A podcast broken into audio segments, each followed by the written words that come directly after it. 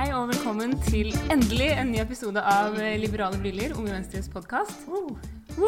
Eh, jeg heter Tiril, og med meg har jeg Sondre som vanlig. Hei, velkommen tilbake, Tiril. Tusen takk. Eh, vi har jo vært eh, borte en stund. Eh, du trodde kanskje du hadde slettet eh, podkasten vår, eller noe sånt, ved feiltakelse, men, men vi har vært der hele tiden. Vi har bare Ikke gjort noe. Vi har bare ikke gjort noe. Og vi fikk ikke engang sagt ha det, fordi den episoden vi sa ha det i, ble ikke lagt ut. Men eh, ja. For du har reist til eh, Brussel. ja, først så var jeg på utveksling i Frankrike forrige høst. Og så dro jeg til Brussel og var praktikant og levde det gode liv i sus og dus i Brussel-bobla i seks uker. Helt til eh, vi ble sendt hjem.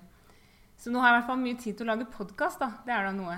Det er fint å få tilbake min podkastvenn. Ja. Hvordan har du det i Brussel? Nei, det var jo helt fantastisk. Det er jo synd at det varte så kort. Um, og jeg fikk jo oppleve drømmen, heldigvis, da, i løpet av de seks ukene. Nemlig å se kommisjonen fra innsiden. Um, vi planla et besøk uh, Hva var jobben din, egentlig? Nei, jeg var praktikant, uh, studentpraktikant uh, hos Norges delegasjon til EU. Det er den der studentpraktikantordningen til UD. Og Norges delegasjon til EU er jo Norges største utenriksstasjon, siden vi er jo ikke medlem av EU, så vi sitter i det der Norway House på andre siden av gata til kommisjonen og prøver å liksom forstå hva som skjer i EU, og følge det opp liksom diplomatisk. Um, og eh, nei, men det kuleste jeg fikk gjort, var at jeg fikk være med å planlegge Erna Solberg skulle komme til Brussel. Som som ikke kom. Nei, hun gjorde ikke det, fordi plutselig bestemte Erdogan seg for å åpne grensen til Tyrkia. Sånn at alle flyktningene kom inn til Hellas, og så måtte alle EU-lederne dra til Hellas den dagen Erna Solberg skulle være der. Så vi eh, fikk en veldig kul rundtur rundt i kommisjonen og se liksom Ja, her skal de møtes, her skal de handshake, her skal den opp her i VIP-heisen og møte Ursula von der Leyen på hennes kontor, kommisjonspresidenten, og så skal hun snakke med Michel Barnier, sjefsforhandler til brexit her og her og sånne ting. Så var jo tidenes antiklimaks når det ble avlyst dagen før. Men det er jo mange ting som har blitt avlyst eh, denne våren, så sånn var det vel bare. Men nå er jeg hjem. Nå er jeg hjemme igjen. Jeg har ikke fulgt så mye med på norske nyheter det siste halvåret. Vi skal ta en liten recap av hva som har skjedd Ja, det siste halvåret. det har jo skjedd dritmye, selv om man glemmer det med en gang det er ferdig. Frp har gått ut av regjering. Storbritannia har gått ut av EU. Trump er blitt frikjent i riksrett. Det har vært masse demonstrasjoner i Hongkong. Ytringsfrihetsforkjemperne i Unge Venstre gjorde tidenes skolevalg. Venstre gjorde ikke tidenes valg. Og så er det jo en global pandemi. Og sist, men ikke minst, Vinmonopolet ser ut til å få nye åpningstider. Det er altså en seier i eh, regjeringsplattformen at nå er det lov til å kjøpe vin til klokken fire på lørdag istedenfor fram til klokken tre på lørdag. Så der er det en liberal seier på alle fronter. en liten trøst der. Men eh, det jeg har lurt på, er jo hva skjer egentlig i Unge Venstre om dagen? Eh, har du mye å gjøre, Sondre? Eller hva driver du med? Jeg har nok mindre å gjøre enn for noen eh, måneder siden, men eh, vi har jo likevel eh, virtuelle medlemsmøter i Unge Venstre. Vi har fortsatt mange møter med Venstre på telefon og på digitale plattformer. Nå er det jo kommet en del andre politiske saker i det siste som ikke handler om koronasituasjonen, men som handler om miljø, altså iskanten, forvaltningen for Barentshavet, om digitalt grenseforsvar og personvern, om eh, flyktningsituasjonen i Moria-leiren. En del av disse tingene skal vi jo snakke om i dag. Så det er blitt eh, litt mer å jobbe med de siste ukene. Men det er klart at eh, det er jo en spesiell situasjon å være ungdomspartiet på også, når vi, ikke, når vi ikke kan samles og når vi ikke kan ha de samme medlemsmøtene som, som vi pleier å ha. Men det er jo, det er noe å gjøre på likevel. Ja. Men du får jo lest noen bøker, får du ikke det? Jeg får lest litt mer bøker enn vanlig. Litt mer fri. Same ass. Jeg har aldri lest så mange bøker som jeg har gjort nå. Men jeg tenker vi må jo begynne med det som alle snakker om, det alle tenker på hele døgnet at the moment. Og det er jo Sondre, hvem er det som blir ny leder i Venstre? Det er det ingen som vet. Ikke heller, ass. Nei, for Trine Skei Grønne trakk seg jo som lederkandidat for eh, Da er det vel litt over en måned siden. Ja, det var noen timer før Oslo stengte alle skoler og barnehager, så Ja, det var det. Så hadde jo valgkomiteen innstilt på henne som ny leder nok en gang. Det valgte hun å trekke seg som. eh, Og Venstre får jo ikke avholdt eh, landsmøte med det første. Det skulle vi egentlig ha eh, denne helgen som var, hvor vi skulle klappe inn forhåpentligvis en ny leder. Når Venstre kan avholde landsmøte, det er litt uklart ennå. Vi vet ikke hvor mange folk som vi får lov til å samle. Vi vet ikke grensene for hvor mange folk vi kan være. Men vi får se. Det, vi håper jo at vi kan samles på Venstres landsmøte så fort som mulig. For vi har et behov for å samles og velge ny leder og drive med politikkutvikling og snakke med hverandre. Så vi får håpe at det skjer eh, ved første anledning. Men vet man, altså Blir det på Zoom, eller blir det når alle har blitt tvangsvaksinert i 2021? Eller, altså Vet vi noe om det? Nei, Vi vet ikke noe om det ennå. Nå er det jo noen andre organisasjoner som skal avholde digitale landsmøter. MDG skal det. Norsk studentorganisasjon har gjort det. Så det er mulig at Venstre ender på det samme. Men det er noe vi må diskutere med landsstyret eh, i Venstre, hvorvidt vi skal innkalle til et digitalt eh, landsmøte. Ja.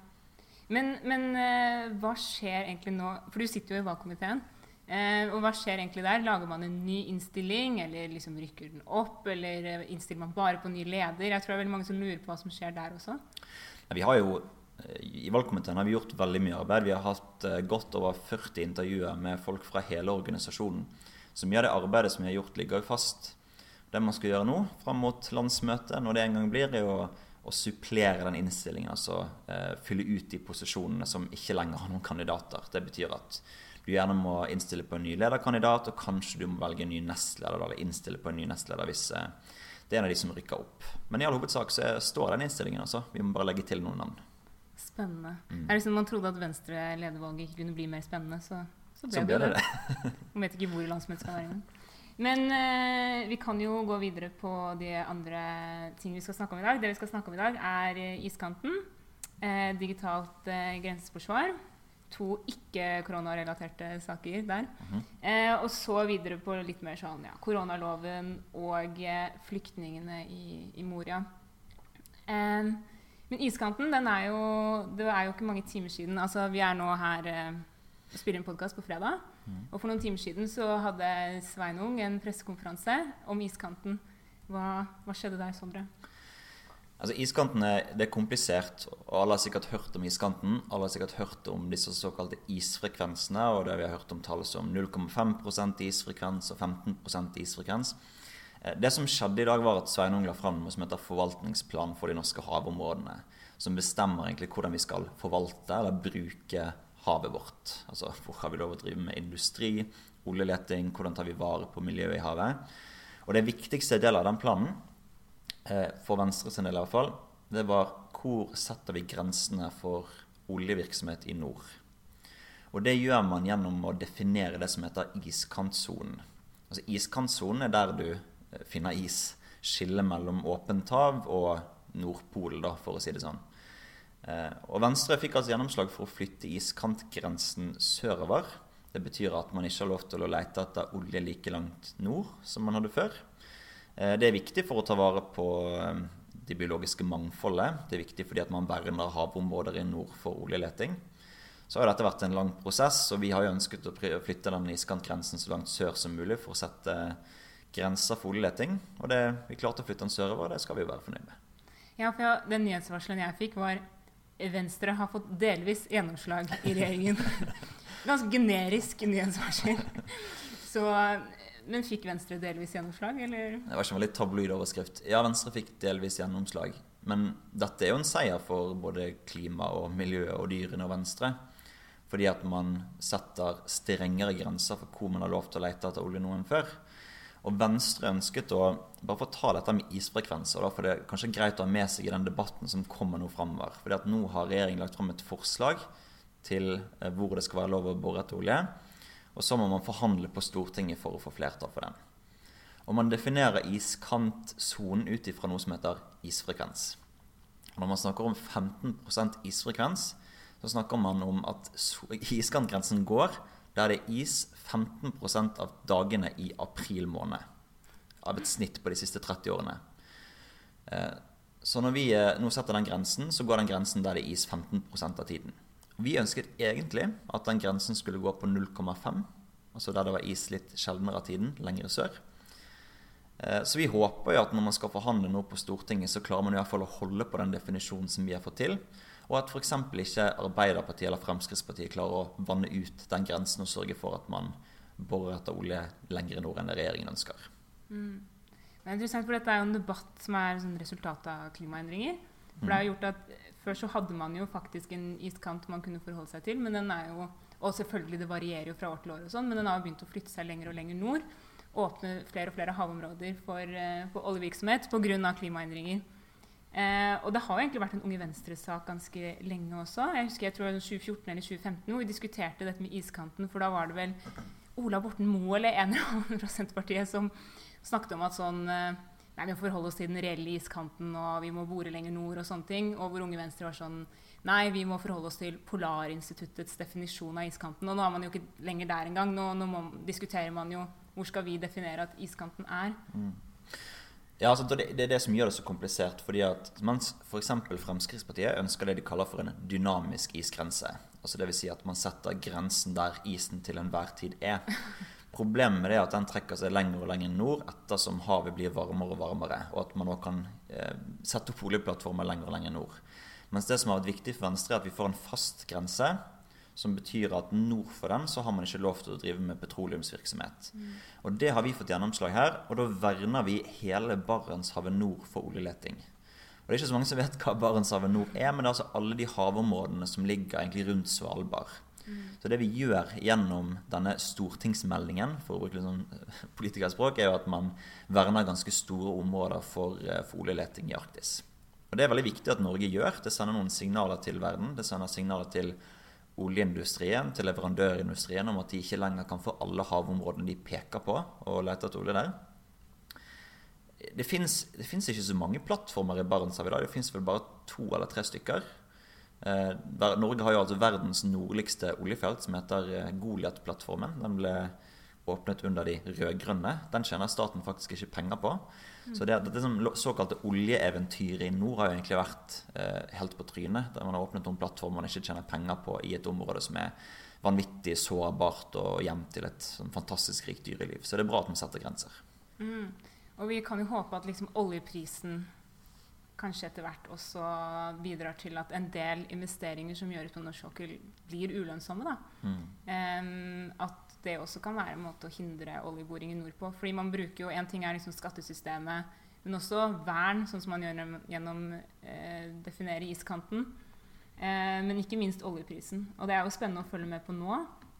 Når det var negativ oljepris i USA eh, på sånne, Det var jo de, ja, det var litt pga. lagring og sånne ting, men likevel. Eh, hvor mye boring det faktisk blir i nord. Men uh, definitivt viktig å ta den uh, man er jo i en sånn veldig spesiell situasjon sant? når man får betalt for å måte, ta imot olje i USA. Man fikk i hvert fall en periode. Fordi at man produserte for mye olje, og folk flyr ikke nå. De kjører ikke så mye bil. Man har en del fornybar energiproduksjon som tar en del av den grunnlasten i strømsystemet. Så Det viser at framtiden er veldig usikker. Og jo lavere oljeprisen er, jo mindre lønnsomt er det å bygge ut nye felt. Og kanskje spesielt i Arktis, hvor det er ukjent infrastruktur, eh, så er det på en måte Det koster mye penger å bygge oljeplattformer. Og med lav oljepris så ja, er ikke det så lønnsomt å drive med oljeboring så langt nord som det noen ønsker. Og så tar det altså ti år. Det er verdt å med seg. Det tar ti år fra man gjør et oljefunn i Barentshavet, til man har bygget ut en plattform. Så hvis man finner et funn der i år, så vil ikke den plattformen stå klar før 2030. Da skal Norge ha halvert sine utslipp. Europa skal bruke mye mindre eh, olje og gass enn det de gjør i dag. Så det å satse på at denne næringen skal være lønnsom i framtiden, er å gamble, egentlig. Så det må ikke man gjøre. Ja. Skal vi gå på en annen også litt uh, gammel Unge Venstre-sak, nemlig digitalt eh, grenseforsvar. Mm. Um, der uh, Venstre har tatt dissens i regjeringen. Men hva er digitalt grenseforsvar? Det høres jo veldig eh, Man ser jo for seg litt forskjellige ting når man hører ordet digitalt grenseforsvar, men hva er det egentlig? Digitalt grenseforsvar høres veldig flott og fint ut, eh, men regjeringen har nå gått bort fra å kalle det digitalt grenseforsvar. De kaller det noe sånt som eh, tilrettelagt innhenting av grenseoverskridende informasjon. Og tenk å gå fra et så kult navn som digitalt grenseforsvar til et så liksom nerd-navn som det. For jeg tror Når folk hører digitalt grenseforsvar, så tenker de sånn at det skal beskytte oss mot alle trusler i verden og sørge for at vi ikke blir hacket osv. Eh, det regjeringen har foreslått, uten Venstre, for vi har tatt dissens på det, altså vi stiller oss ikke bak det forslaget, er at de vil ha muligheten til å lagre all informasjon som krysser norske landegrenser. Mm. Og Det høres kanskje ganske lurt ut, fordi at jo, men vi bør jo ha kontroll på hvilke utlendinger som kommuniserer med folk i Norge. Men det det i praksis betyr, er at man har muligheten til å lagre all informasjon som vi sender på mobilen vår. Fordi at nesten all informasjon vi bruker på, altså på Facebook, på Snapchat, og Messenger og Instagram, det krysser en form for landegrense. Og nå har man altså muligheten til å lagre det i et lager som Etterretningstjenesten kan få tilgang til. Eh, og det mener vi at det er et så stort inngrep i privatlivet til vanlige folk. Og muligheten til å lagre den informasjonen kan fort skli ut og brukes til andre formål. Og da har vi sagt at vi ikke kan være med på det lovforslaget fordi vi mener det bryter mot eh, retten til privatliv og personvern. Hva betyr det egentlig at Venstre tar dissens? Altså Det blir jo vedtatt uansett, blir det ikke det? Eh, jo, det ser jo litt sånn ut. Det betyr at vi, regjeringen leverer et lovforslag som vi ikke kan stille oss bak, og at vi har lov til å stemme mot i Stortinget. Mm. Det er første gang man gjør i denne regjeringen. Eh, tar en lisens. Det har man f.eks. gjort eh, Man gjorde det i Stoltenberg II. Da tok SV lisens på massive innstramninger i asylpolitikken, som gjorde at de sto på plenen og demonstrerte mot egen regjering. Eh, men det betyr at vi ikke kan stemme for det, fordi vi mener det er så problematisk. Så er det jo likevel sånn at uh, Arbeiderpartiet og Fremskrittspartiet er ganske overvåkningskåte, de også. Og er interessert i å innføre dette digitale grenseforsvaret, som, som, vi kaller det, men som egentlig er digital masseovervåkning. Så vi får jo håpe at de skjønner at dette er veldig problematisk å stemme med Venstre. Men uh, jeg tviler litt på at de kommer til å gjøre det. Apropos overvåkning, jeg tror et annet litt sånn liberalt uh, eller et annet dilemma innen personvern nå er jo denne smitteappen. Mm. Og jeg merker jeg synes det er lettere å diskutere personvern i teori enn i praksis. Det er lettere å si sånn Nei, vet du hva, vi skal eh, bevare personvernet selv om eh, Eller fra en sånn litt ukjent, udefinert trussel som jeg ikke ser helt foran meg, enn når folk kommer og sier Vet du hva, nå kan vi klare å bli kvitt dette viruset hvis du laster ned denne appen. Ja, ok, det lagringsgreiene og åpen kildekode og litt sånn, nei, det, det, er ikke akkurat sånn som vi ville ha det, men, men laste den appen, så går det over. Jeg syns det er et vanskelig, vanskelig, dilemma. Og der har jo Venstre ikke tatt uh, dissens eller noen mm. ting. Det er vi med på. Men uh, vi har jo en stortingsrepresentant, Solveig Schytz fra Akershus, som har gått ut og sagt at hun ikke vil laste ned appen. Har du appen? Uh, jeg har egentlig liksom Før de lanserte appen, var jeg sånn Herregud, den største frihetsinnskrenkelsen min nå er jo ikke kunne gå ut og gjøre det jeg vil. så jeg kommer til å laste ned den appen. Men så har jeg liksom ikke likevel gjort det. da. Og det er delvis fordi jeg har en veldig crappy telefon som eh, jeg tror ikke kommer til å ja, Batteriet draines bare av at man sender SMS. Eh, men det er også litt det der at man blir litt sånn Men hva om om to uker så er på en måte, viser at alt er lekket til et eller annet Jeg vet ikke jeg vet ikke hva jeg er redd for, men jeg, bare, jeg har ikke gjort det ennå. Men jeg tror jeg kommer til å gjøre det. Men ja. Mm. Men folk blir jo på en måte sånn, Man ser at man har store kriser. Eh, det være seg på en måte terrorisme eller sånn naturkatastrofer eller pandemier, så blir jo folk mer lydige da, på mange måter. Eh, og det kan både være bra at folk f.eks. overholder eh, smittevernrådet i Norge. Og det ser man jo har funket ganske bra, at smittetallene går ned. I USA, etter 9-11, så var ikke det bare bra. Da så man at man innførte ganske sånn inngripende lover gjennom Patriot Act eh, etter, etter eh, 9-11. Fordi folk hadde et behov for måte, trygghet og hadde tillit til staten. Så det at folk er skeptiske, er jo sunt. Men det er jo noe du sier at nå er vi i en situasjon hvor friheten vår er så begrenset, og hvor vi er så avhengige av å begrense smitten. Og ja, denne personen, denne smittevernsappen har eh, kjempestore problemer. Venstre ville f.eks. ha åpen kildekode, lokal lagring istedenfor den løsningen man fikk nå. Fordi vi mener det er viktig at folk har tillit til den appen når staten først ber oss om å laste den ned. Jeg har lasta ned, eh, men ikke uten, eh, altså, ikke uten, problemer. på en måte, fordi at dette er nok en app som burde vært jobbet ganske mye bedre med. Men eh, i den situasjonen vi er i nå, hvor friheten vår er så begrenset, så har jeg valgt å gjøre det. Men har selvfølgelig full respekt for at folk er ekstremt skeptiske til akkurat det. Ja.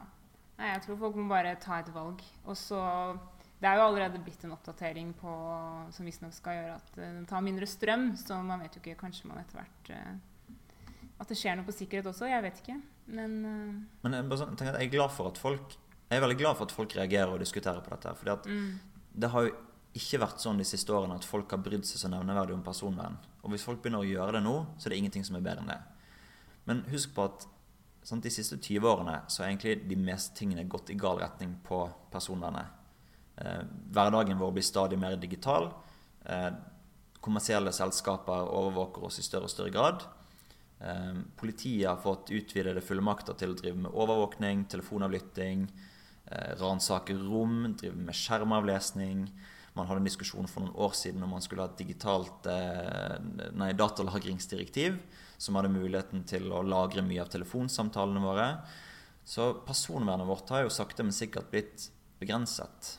Og Derfor er det viktig for Venstre at vi på en måte sier nei til digitalt grenseforsvar og masseovervåkning av norske innbyggere. fordi at dette er på mange måter dråpen som velter glasset. Og Hvis folk nå begynner å bli litt sånn bevisst på hva staten skal vite om oss, så tror jeg det er veldig positivt for ettertiden at man skjønner at vi har rett på et rom som er vårt og bare vårt. Og det er ikke alt vi tenker eller skriver på nettet som staten har noe med å gjøre. Mm. Og en forskjell her også er jo at digital grenseforsvar er jo sånn Sånn skal det være i all framtid. Men Smitteappen er jo en sånn beredskapsting man gjør akkurat nå, forhåpentligvis. Man har jo snakket om at sånn en konsekvens ved en sånn app kan være at uh, tenk om det trekker ut i varighet. Det vil være litt smitte blant oss ganske lenge framover uansett. Hva om det ikke er frivillig lenger å laste denne appen i praksis? At det er sånn nei, du kommer ikke inn på denne baren hvis du ikke har appen, eller du må jobbe hjemme hvis du ikke har appen. Altså Man vet jo aldri hva som kan skje heller. Men, men, det tenker jeg også er en viktig forskjell. Jeg merker Min terskel for å godta overvåkning er jo mye lavere med en gang det er midlertidig. Mm. Sånn, det, det, tror jeg en del folk tenker at uh, Ja, men, men, staten sier at uh, dette uh, tiltaket er for det og det formålet. men så ser man jo at i en del sånn, tilfeller hvor man har gitt politiet muligheter til å gjøre noe, så blir det en sånn formålsutglidning hvor man misbruker mm. ting, eller hvor man ber om stadig nye måter å bruke det på. Og nå var det vel, hvis jeg ikke husker feil, statsadvokaten eller noe sånt som sa at Eh, ja, ja, fint med, med, såkalt tilrettelagt innhenting eller digitalt grenseforsvar. Men vi vil også at politiet skal få bruke dette verktøyet til å påtale norske innbyggere hvis man driver med alvorlig kriminalitet. Og da er problemet at Hvis man først har sånne lager som kan plukke opp all informasjon som krysser landegrenser, så er det så utrolig vanskelig for politikere å stå imot neste gang det skjer noe utrolig alvorlig kriminalitet. Da er det vanskelig å være de som står imot og sier nei, politiet skal ikke få tilgang til dette registeret. Og da er man på full fart mot et overvåkningssamfunn hvor politiet har veldig vide fullmakter og vet mye mer om oss enn det vi egentlig, enn det de egentlig bør vite. Mm. Så man må være bevisst på at uh, Jeg tror ikke politikere lyger, men jeg tror det er veldig få som klarer å stå imot når det skjer alvorlig kriminalitet og trusler, og man har lyst på nye, nye verktøy. Ja, og liksom Om 10 eller 20 år, når man ikke har den debatten friskt i minne, i det hele tatt, så er det sånn Vi har jo dette lageret her. Kan vi ikke, kan vi ikke bruke det? Kan vi ikke gå litt lenger? Mm. Mm. Men eh, vi kan gå enda videre på apropos liksom hvor mye hvor mye makt staten skal ha, og snakke om litt denne koronaloven. Men først, sier du korona eller korona, Sondre? Jeg sier nok korona som oftest, men jeg bør si korona. Jeg hørte nesten ikke forskjellen, men det er kanskje det kan, Ja, fordi Språkrådet har jo sagt at man skal si korona på mm. norsk, og ikke korona, som alle sier. Um, og der må jeg si at vanligvis så gjør jeg akkurat det Språkrådet be meg om å gjøre. Jeg syns de Ja, de må gjerne få mer fullmakter for min del. Men jeg syns her var de faktisk for sent på banen. fordi jeg kommer ikke til å klare å si noe annet enn korona. Og det beklager jeg for. Så det er ikke noe poeng å sende meg melding og si at det er feil. Um, jeg tror den statlige institusjonen jeg har mest tillit til, er Språkrådet. Bortsett fra når de er for liberale. Når de liksom er for slepphendte. Godtar OsloMet? Nei, godtok det. De, jo, jeg godtar Oslo Eller kanskje de ikke gjorde det, men de godtar at uh, folk skriver på feil måte. på en måte. Men, ja. Ja. Vi sier i hvert fall ikke covid-19, da. det, det, er da noe. Nei, men uh, koronalov det er også litt samme dilemma, et mm. liberalt dilemma. Hvor langt skal staten kunne strekke sine fullmakter i en beredskapssituasjon? Og nå ble det jo vedtatt utvidede fullmakter til Eller ja, en koronalov på i Stortinget. Kan du si litt om hva den innebærer? Jo, det som skjedde var at Staten fikk ikke nødvendigvis utvidede fullmakter, men regjeringen fikk det på ja. bekostning av Stortinget. Så man har på en måte ikke fått en sånn her eh, stor tyrannisk stat som kan undertrykke oss. Eller kanskje man har det allerede, men Vi får se. Eh, vi får se. Eh, men det som skjedde, var at eh, regjeringen kom med et lovforslag til Stortinget som de kalte for koronaloven. Eh, hvor de sa at i den situasjonen vi er nå, hvor vi må ha mange tiltak samtidig, raske tiltak, som vi ikke nødvendigvis har tid til at Stortinget skal samles for å vedta, og spesielt i en situasjon hvor vi ikke vet om Stortinget kan fungere, så må regjeringen ha fullmakt til å håndtere den situasjonen vi er i nå. Det loven gikk ut på, var at regjeringen gjennom forskrift kunne på en måte vedta ting som strider med andre lover. Og det var helt nødvendig. Eh, fordi at Selv om man hadde ganske sånn vide fullmakter gjennom f.eks. smittevernloven til å stenge skoler, til hytteforbudet, til utreiseforbudet, så var det en del andre lover som regjeringen ikke hadde fullmakt til å endre. Eh, gode eksempler på det er sånne små justeringer man er nødt til å gjøre på velferdsytelser for å sikre at folk har tilgang til de. For å sikre at eh, barn kan få undervisning hjemme uten at det bryter loven. Eh, for å sikre at vi har eh, nok bemanning på sykehusene. Og er ting som man ikke hadde nødvendigvis tid til å gå gjennom Stortinget hver eneste gang for å gjøre. Så Derfor var det viktig at regjeringen ba om den fullmakten. Og De ba i utgangspunktet om at den skulle vare i seks måneder og gjelde for alle lover, bortsett fra Grunnloven. Det er ganske heftig. ja, sant, det er litt heftig. Det var det mange jusprofessorer som reagerte ganske sterkt på, fordi at man egentlig har muligheten til å tilsidesette Stortinget. Så det man, det man også foreslo, var at hvis en tredjedel av Stortinget var mot disse endringene, så kunne man oppheve det. Og Det betyr at Arbeiderpartiet og SV alene kunne oppheve alt som regjeringen foreslo.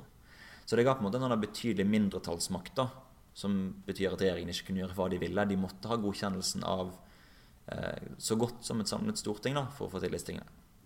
Og så strammet Stortinget litt inn. De sa at den skal gjelde i én måned istedenfor seks måneder. Når de utvidet den én gang, så den har nå vart i snart to måneder og at den ikke skulle gjelde for alle lover, men de la inn alle lovene som den skulle gjelde for. Så ja, det er veldig vanskelig dilemma. Så vi er jo generelt veldig skeptiske til å gi regjeringen mer makt. Men det var nødvendig i denne situasjonen at man var litt raskere på labben enn at man måtte gjennom forhandlinger på Stortinget for, for alle endringer som var nødvendig å gjøre. Mm.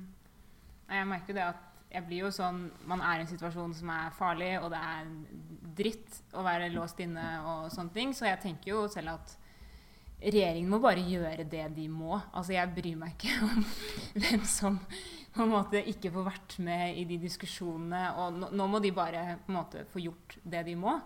Um, og sånn tror jeg ganske mange tenker. Mm. At, uh, men uh, jeg så også det viser, jo, det viser, jo, den tryggheten og den fordelen med å ta ting gjennom Stortinget, at en lov ble bedre av å ta den gjennom Stortinget. Og det er jo det som er risikoen når få mennesker ender opp med å ha veldig mye makt. Mm.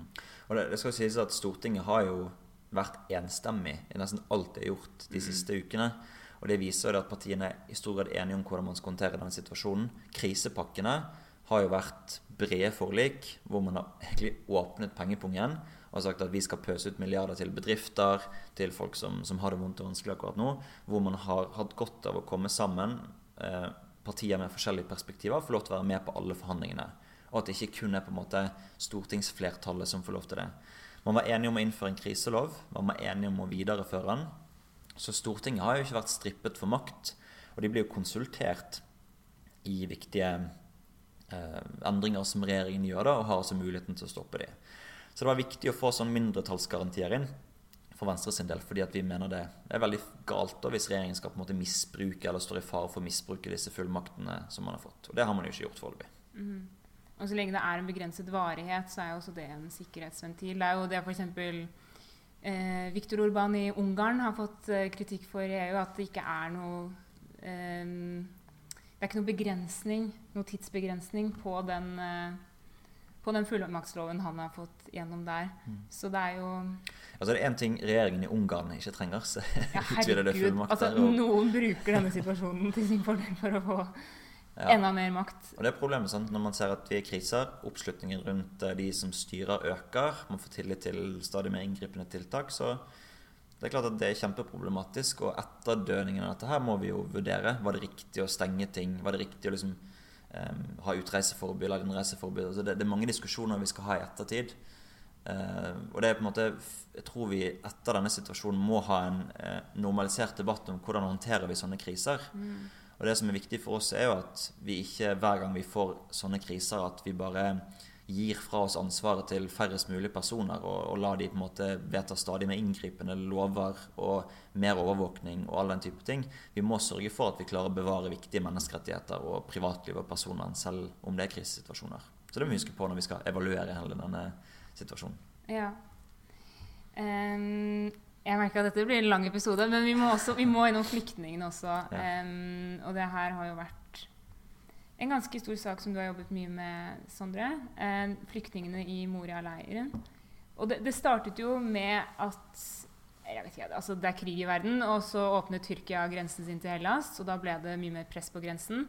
Ikke like mye som i 2015, men det er, uh, flyktningleiren der er jo helt overfylt um, og underdimensjonert, og folk lever under grusomme forhold. Og i tillegg så har vi denne koronadimensjonen at man kan jo tenke at det er vanskelig å forhindre smitte i Norge. Da er det en umulig oppgave å gjøre det i flyktningleirer hvor man på ingen måte kan isolere folk. Um, men uh, du, har, ja, du har jo tatt til orde for å hente noen av flyktningene til Norge. Hvorfor det? Det har vi også fått eh, gjennomslag for i Venstre. I går så vedtok landsstyremøtet ja. i Venstre en uttalelse om å evakuere barna fra Moria. Det er viktig fordi at eh, Moria-leiren er bygget for rett under 3000 flyktninger. Men nå er det rundt 20 000 flyktninger som oppholder seg der. Og det sier seg sjøl at det er vanskelig å overholde smittevernråd i en så overfylt flyktningleir. Men som, eh, de sanitære forholdene der er helt elendige. Lite tilgang på mat, vaksiner, medikamenter, utdanning. Det er nesten 8000 barn i den leiren som, som går en ganske sånn mørk framtid i møte. Og Derfor har det vært viktig for både Unge Venstre og Venstre å sørge for at vi tar en del av det europeiske ansvaret det er å ta vare på folk på flukt, og hjelpe Hellas med å ta ut noen av de asylsøkerne og flyktningene som er i leirene. Og det handler jo om at altså Moria-leiren har vært ille ganske lenge. Den har vært overfylt i, i, ganske mange år, men det er jo riktig at når Hellas åpnet, nei, når Tyrkia igjen åpnet grensene, eh, som, som, jeg skjønner godt at de gjør altså herregud, Det har vært 2,7 millioner syrere i Tyrkia de siste årene. Som Tyrkia ikke har kalt for flyktninger, de har kalt dem for gjester. Ja. For De har ikke lyst til å gi dem noen rettigheter, de er bare på besøk. Eh, så det som skjer når Tyrkia åpner grensene, er at eh, presset blir større sør i Europa. Eh, og vi har jo et system i Europa som sier at det første landet du kommer til, det er der du skal søke asyl. Det er der asylsøknaden din skal behandles. Og det fører nettopp til at noen land sør i Europa sitter med den største byrden. Så vi mener at hvis vi skal være med på den europeiske dugnaden for å ta vare på folk på flukt, så må Norge ta ansvar ved å hente noen, og da spesielt barn, ut av leiren i, i Moria. Mm. Man tror det skjer på Stortinget. Altså Høyre er jo mot, Frp er mot antar jeg. Senterpartiet er sikkert mot. Um, eller ja, jeg vet ikke helt hva de har sagt. Men Arbeiderpartiet var jo i tvil. Altså, nå har de sagt at de vil øke antall kvoteflyktninger med 500. Uh, at uh, hvis det er de i Moria som trenger det mest, så, så tar vi dem. Mm. Eh, hvor mange flyktninger syns du vi skal ta imot? jeg synes jo, Nå er det sånn at Norge tar imot 3000 kvoteflyktninger hvert år. Det er de mest sårbare flyktningene i verden. De henter vi ut fra flyktningleirer og så flyr vi de til Norge for å gi dem en trygg havn her. FN mener at Norge bør ta imot 5000 hvert år. Og jeg mener at vi har anledning til å ta imot 2000 flere. Vi har kapasitet til det. Det er mange kommuner som sier at de har anledning til å ta imot flere og gi de eh, oppfølging her i Norge. Så vi eh, bør jo definitivt ta imot en del av de enslige barna fra Moria. Eh, vi kan godt begynne på et sted som Arbeiderpartiet ønsker om å ta imot 500, men jeg mener at vi bør ha et ambisjonsnivå om å om å ta imot flere enn det. Og Det henger også sammen med at i dag så er det 70 millioner mennesker på flukt i verden. Aldri før har det vært så mange. Samtidig så kommer det veldig få til Norge fordi at eh, grensene gjennom Europa har vært stengt. Og da er det veldig få som søker asyl i Norge. Og Det betyr at det enorme mottaksapparatet vi hadde etter at vi tok imot eh, 30 000 asylsøkere i 2015, det har stått tomt. Det har begynt å bygges ned. Så vi har hatt mye ledig kapasitet som vi kan bruke til å hjelpe folk. Så det burde vi ha gjort. Og nå er det to partier i regjering, eh, Venstre og KrF, som ønsker å ta imot disse barna fra Moria, og det håper vi selvfølgelig at vi får gjennomslag for å gjøre. Ja.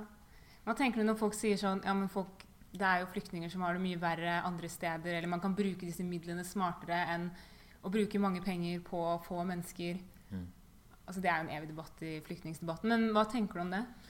Altså, det er jo denne debatten om hjelpe de der de er, eller hjelpe de her. Og det er klart at vi skal gjøre begge deler. Vi gir jo allerede bistand til leirene i Moria, men man ser jo at når det er så mange der, så har man ikke sjanse til å hjelpe de der de er på en god nok måte.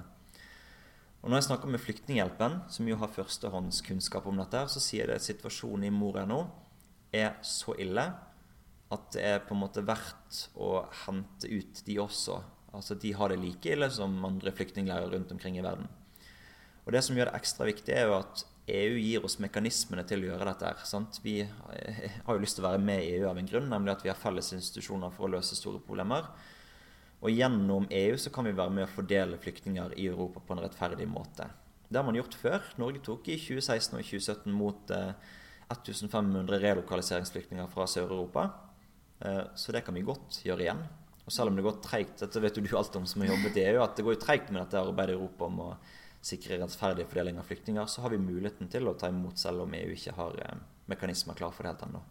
Ja, for Det var jo litt det EU ville med den Tyrkia-avtalen. At man fikk liksom stengt grensen og kjøpt seg litt tid til å forhandle en migrasjonspakt. Mm. Eh, og forhåpentligvis en eh, fordeling eller en nøkkel for sånn fordeler vi flyktninger i Europa. Så man kan ha et forutsigbart system der alle tar en del av byrden. Fordi det er jo altså det er mange flyktninger i verden, men klarer man å fordele det rettferdig på EU-landene, så, så, skal det gå ganske bra å ta imot veldig mange flere flyktninger enn det man klarer nå. Eh, men det er jo store uenigheter, så det har tatt veldig mye tid. Eh, og vet, det jobbes jo med det nå.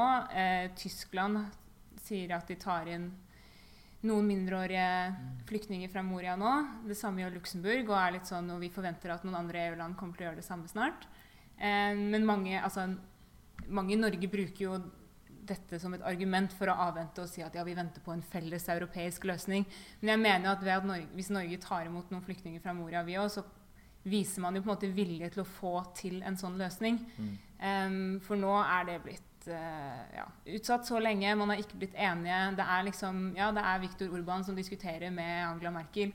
Det er veldig steile fronter og veldig stor uenighet her. Og um, jeg tror på en måte man har prøvd med en sånn håndsutrekning å si at sånn OK, hvis ikke alle landene kan ta imot flyktninger, så kan man kanskje betale seg litt ut av det og heller bidra med midler som en slags håndsutrekning til de landene i f.eks. Øst-Europa som er veldig skeptiske til å ta imot flyktninger. Men det ser ikke ut til at man kommer til å få en løsning umiddelbart. Så det, det er jo en måte for Norge å vise litt vilje, da. til å man må gå foran. og Sist også så var det ingen forpliktelser. Man tvang ikke land til å ta imot flyktninger. Det var frivillighet. Og Norge var med på den frivilligheten. Og Vi liker jo EU veldig godt begge to, men en ting de ikke er flinke nok på, er jo nettopp å sørge for altså, for å si det sånn, tvinge Ungarn og Polen mm. og sånne land til å ta sin del av ansvaret.